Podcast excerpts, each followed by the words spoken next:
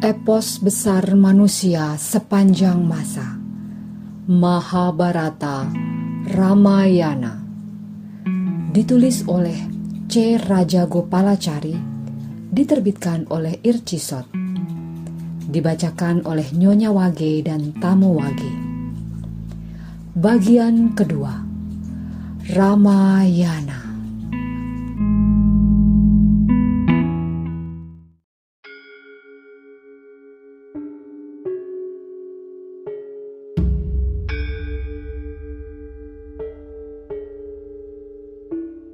Bab 5 Rama menumpas para raksasa Wiswamitra dan kedua pangeran bermalam di pinggir sungai Serayu.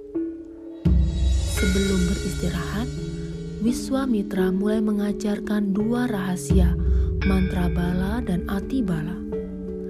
Kedua mantra tersebut berguna untuk menghilangkan rasa penat dan memberikan perlindungan dari mara bahaya.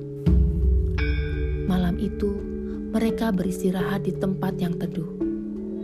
Pagi-pagi sekali, mereka bangun dan melanjutkan perjalanan. Mereka tiba di Kama Asrama, wilayah Angadesa. Setelah memperkenalkan kedua putra raja itu kepada para resi yang tinggal di sana, Resi Wiswamitra menceritakan sejarah tempat itu. Di sinilah, kata Wiswamitra Batara Siwa melakukan tapa brata yang sangat lama. Di sini pula Dewa Cinta yang dungu, Man Mata, membidikan busurnya pada Batara Siwa. Akibatnya, Batara Siwa murka dan mengutuknya menjadi abu. Karena itu, tempat ini dikenal sebagai Kama Asrama. Malam itu, mereka menjadi tamu para resi.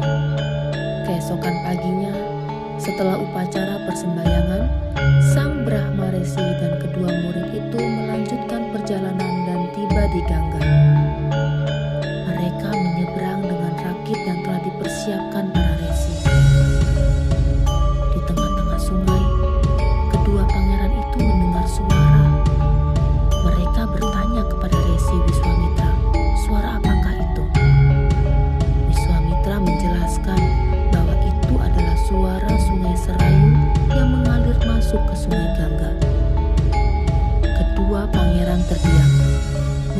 mengagumi pertemuan dua sungai itu.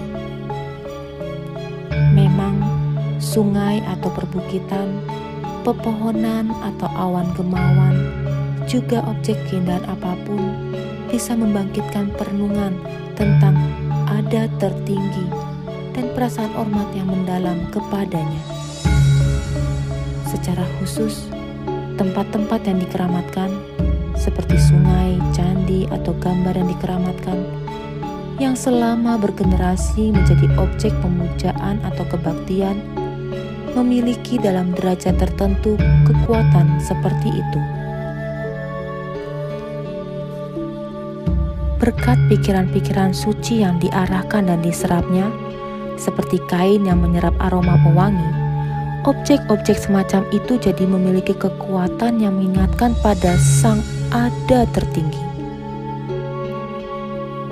Setelah menyeberangi Gangga, Wiswamitra dan kedua pangeran berjalan susah payah menembus hutan lebat. Suara binatang buas yang terdengar di sana-sini menambah keseraman hutan. Ini, kata Wiswamitra, adalah hutan Dandaka. Dulu hutan ini adalah sebuah negeri yang padat penduduknya. Suatu ketika, Batara Indra berdosa karena membunuh Writra. Ia harus meninggalkan dunia dewata dan mengasingkan diri. Kemudian para dewa membersihkan dosanya. Mereka membawa air suci dan memandikannya dengan mantra. Air yang digunakan mengalir dan membuat tanah di sekitar menjadi sangat subur.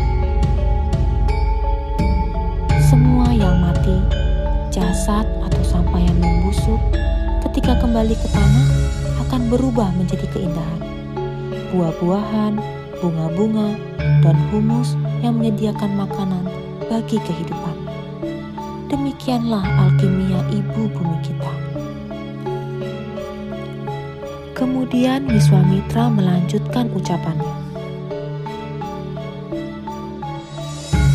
Rakyat negeri hidup bahagia dan sejahtera sampai Tataka, istri Sunda seorang yaksa, dan putranya Marica mengacau dan membuat tempat ini menjadi hutan yang menyeramkan.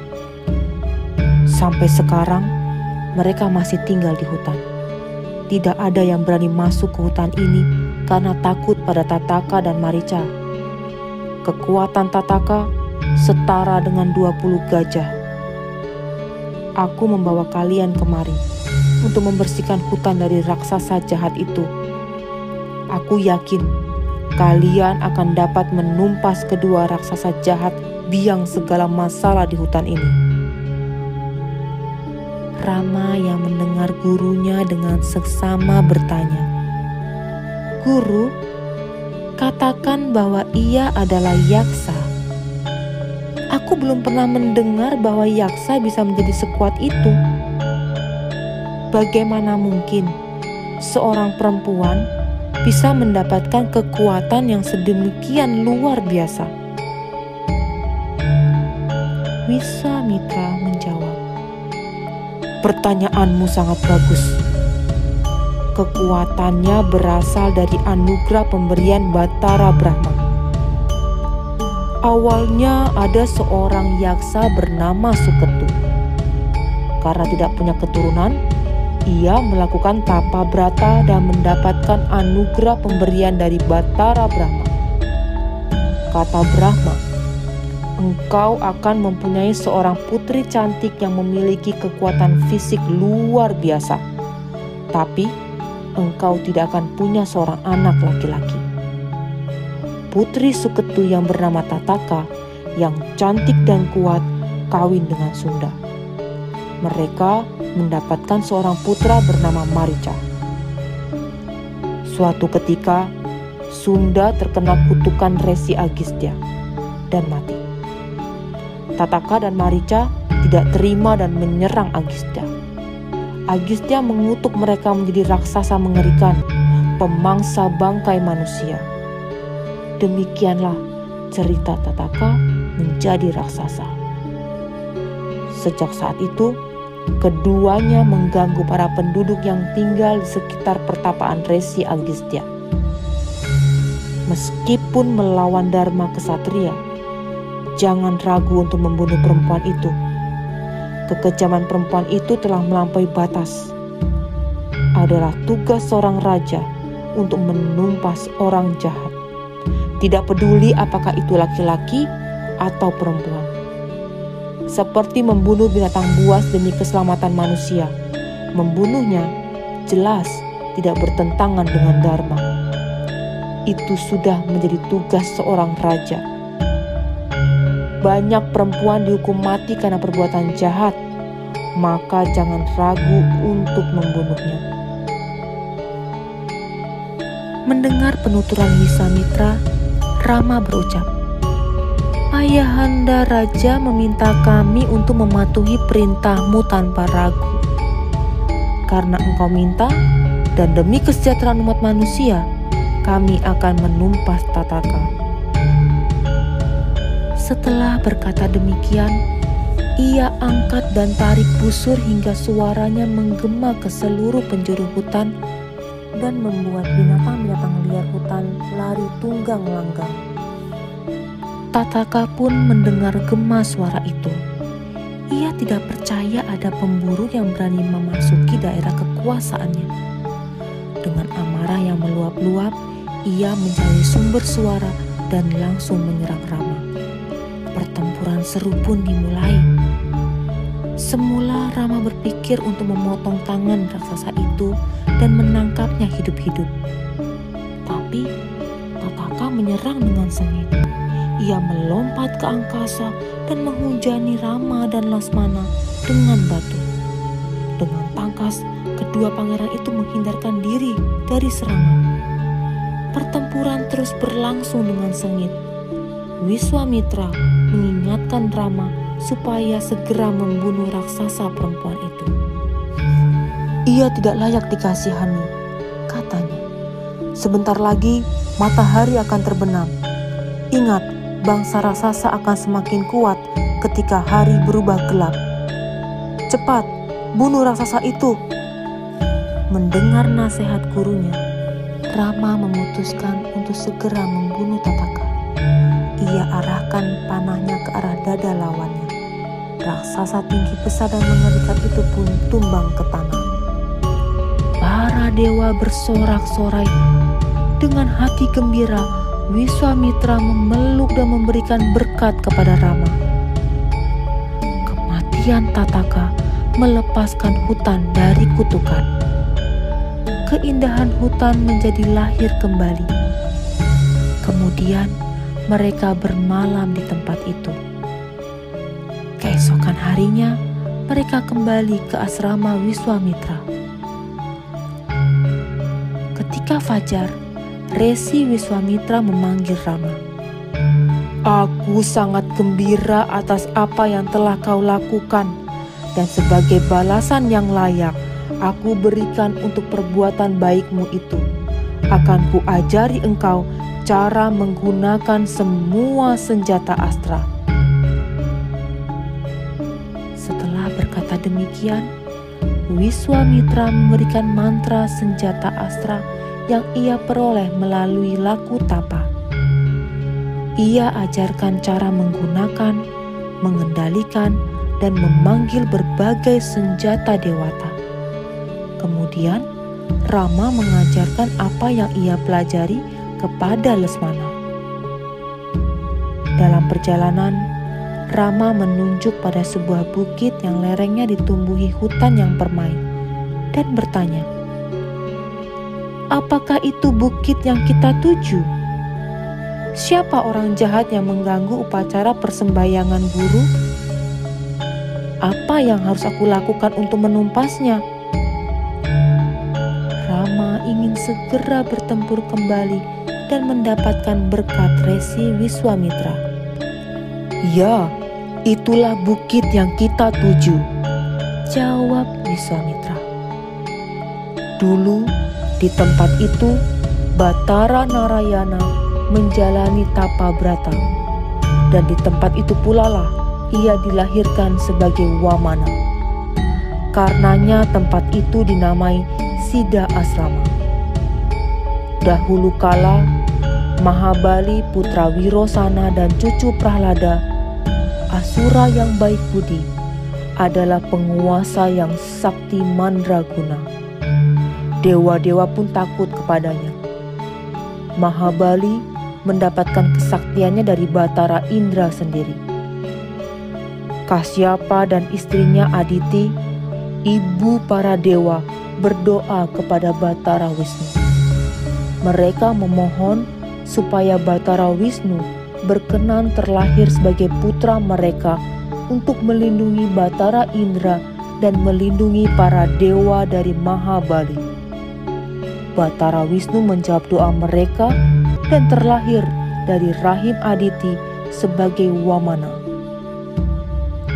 Wamana yang waktu itu masih seorang murid belia pergi mengikuti upacara persembayangan yang diselenggarakan oleh Mahabali.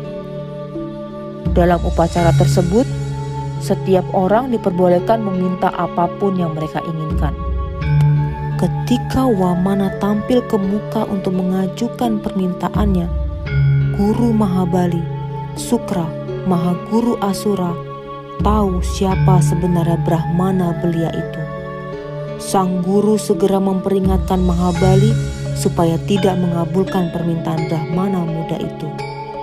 Memang benar, Brahmana muda itu adalah penjelmaan Batara Wisnu sendiri yang berniat untuk menghancurkan Mahabali.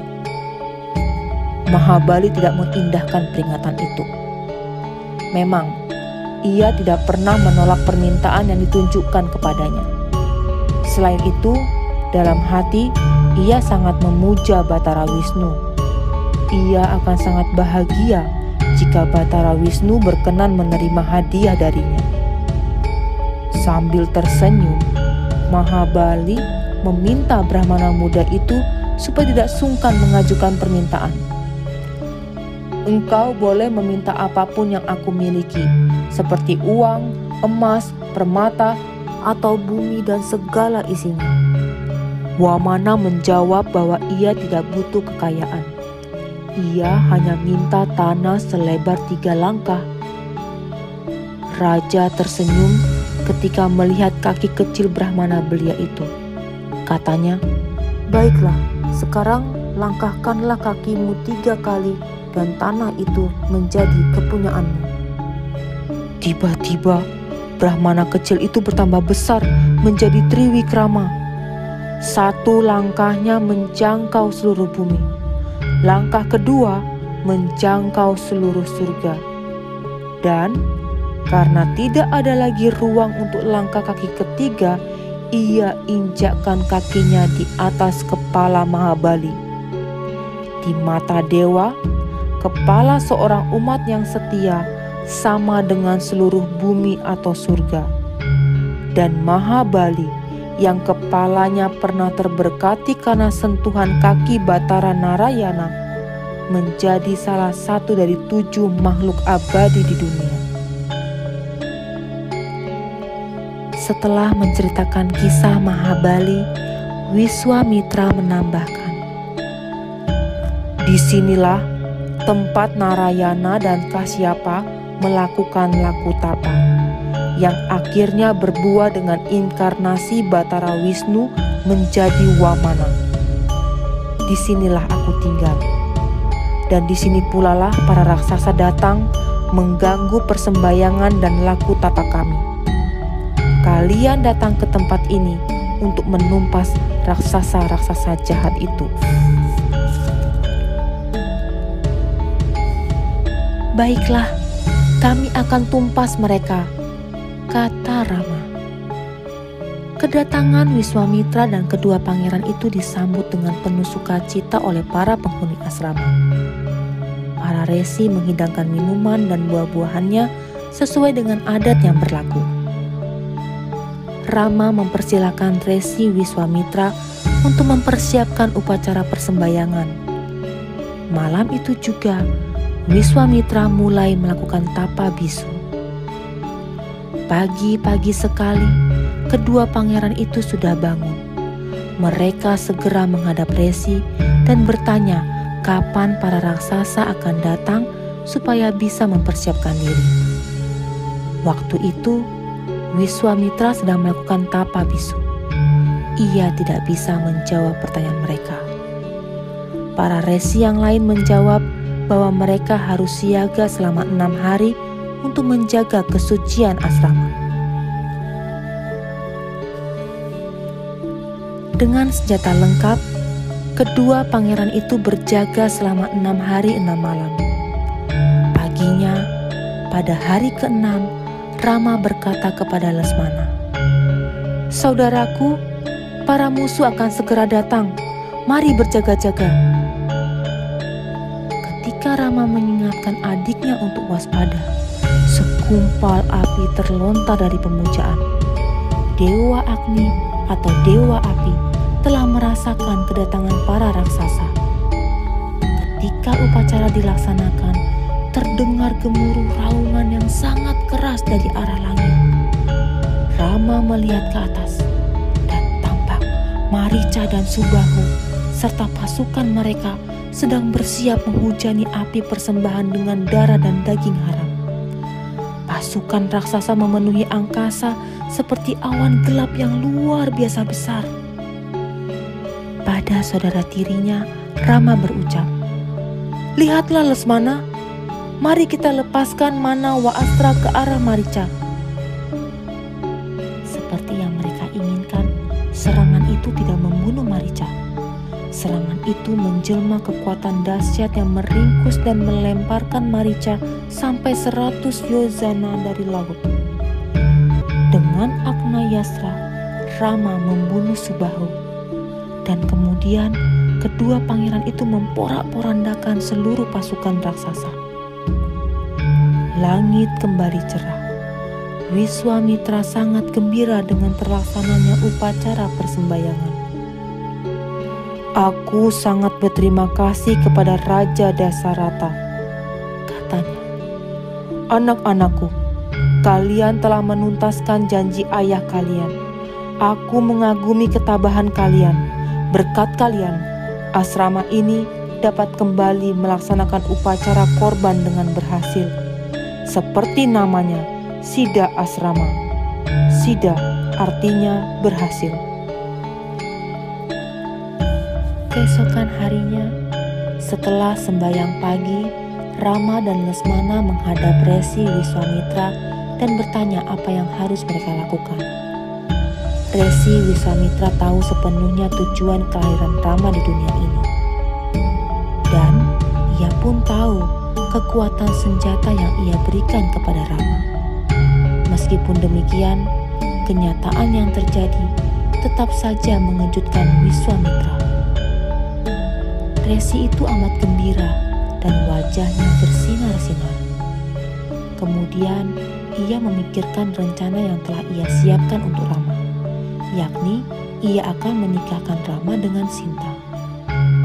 Para resi berkumpul dan berkata kepada Rama, "Kami akan berangkat ke kerajaan Wideha. Raja Janaka yang masyur sebagai raja ahli kitab akan melaksanakan upacara korban besar di ibu kota kerajaan Mitila." kami semua akan pergi ke sana, dan sebaiknya engkau dan saudaramu pergi bersama kami. Akan sangat baik dan sepantasnya jika putra-putra Raja Ayodhya menyaksikan busur sakti di istana Raja Janaka. Maka Rama dan Lesmana pun pergi bersama Wiswamitra ke Mitila.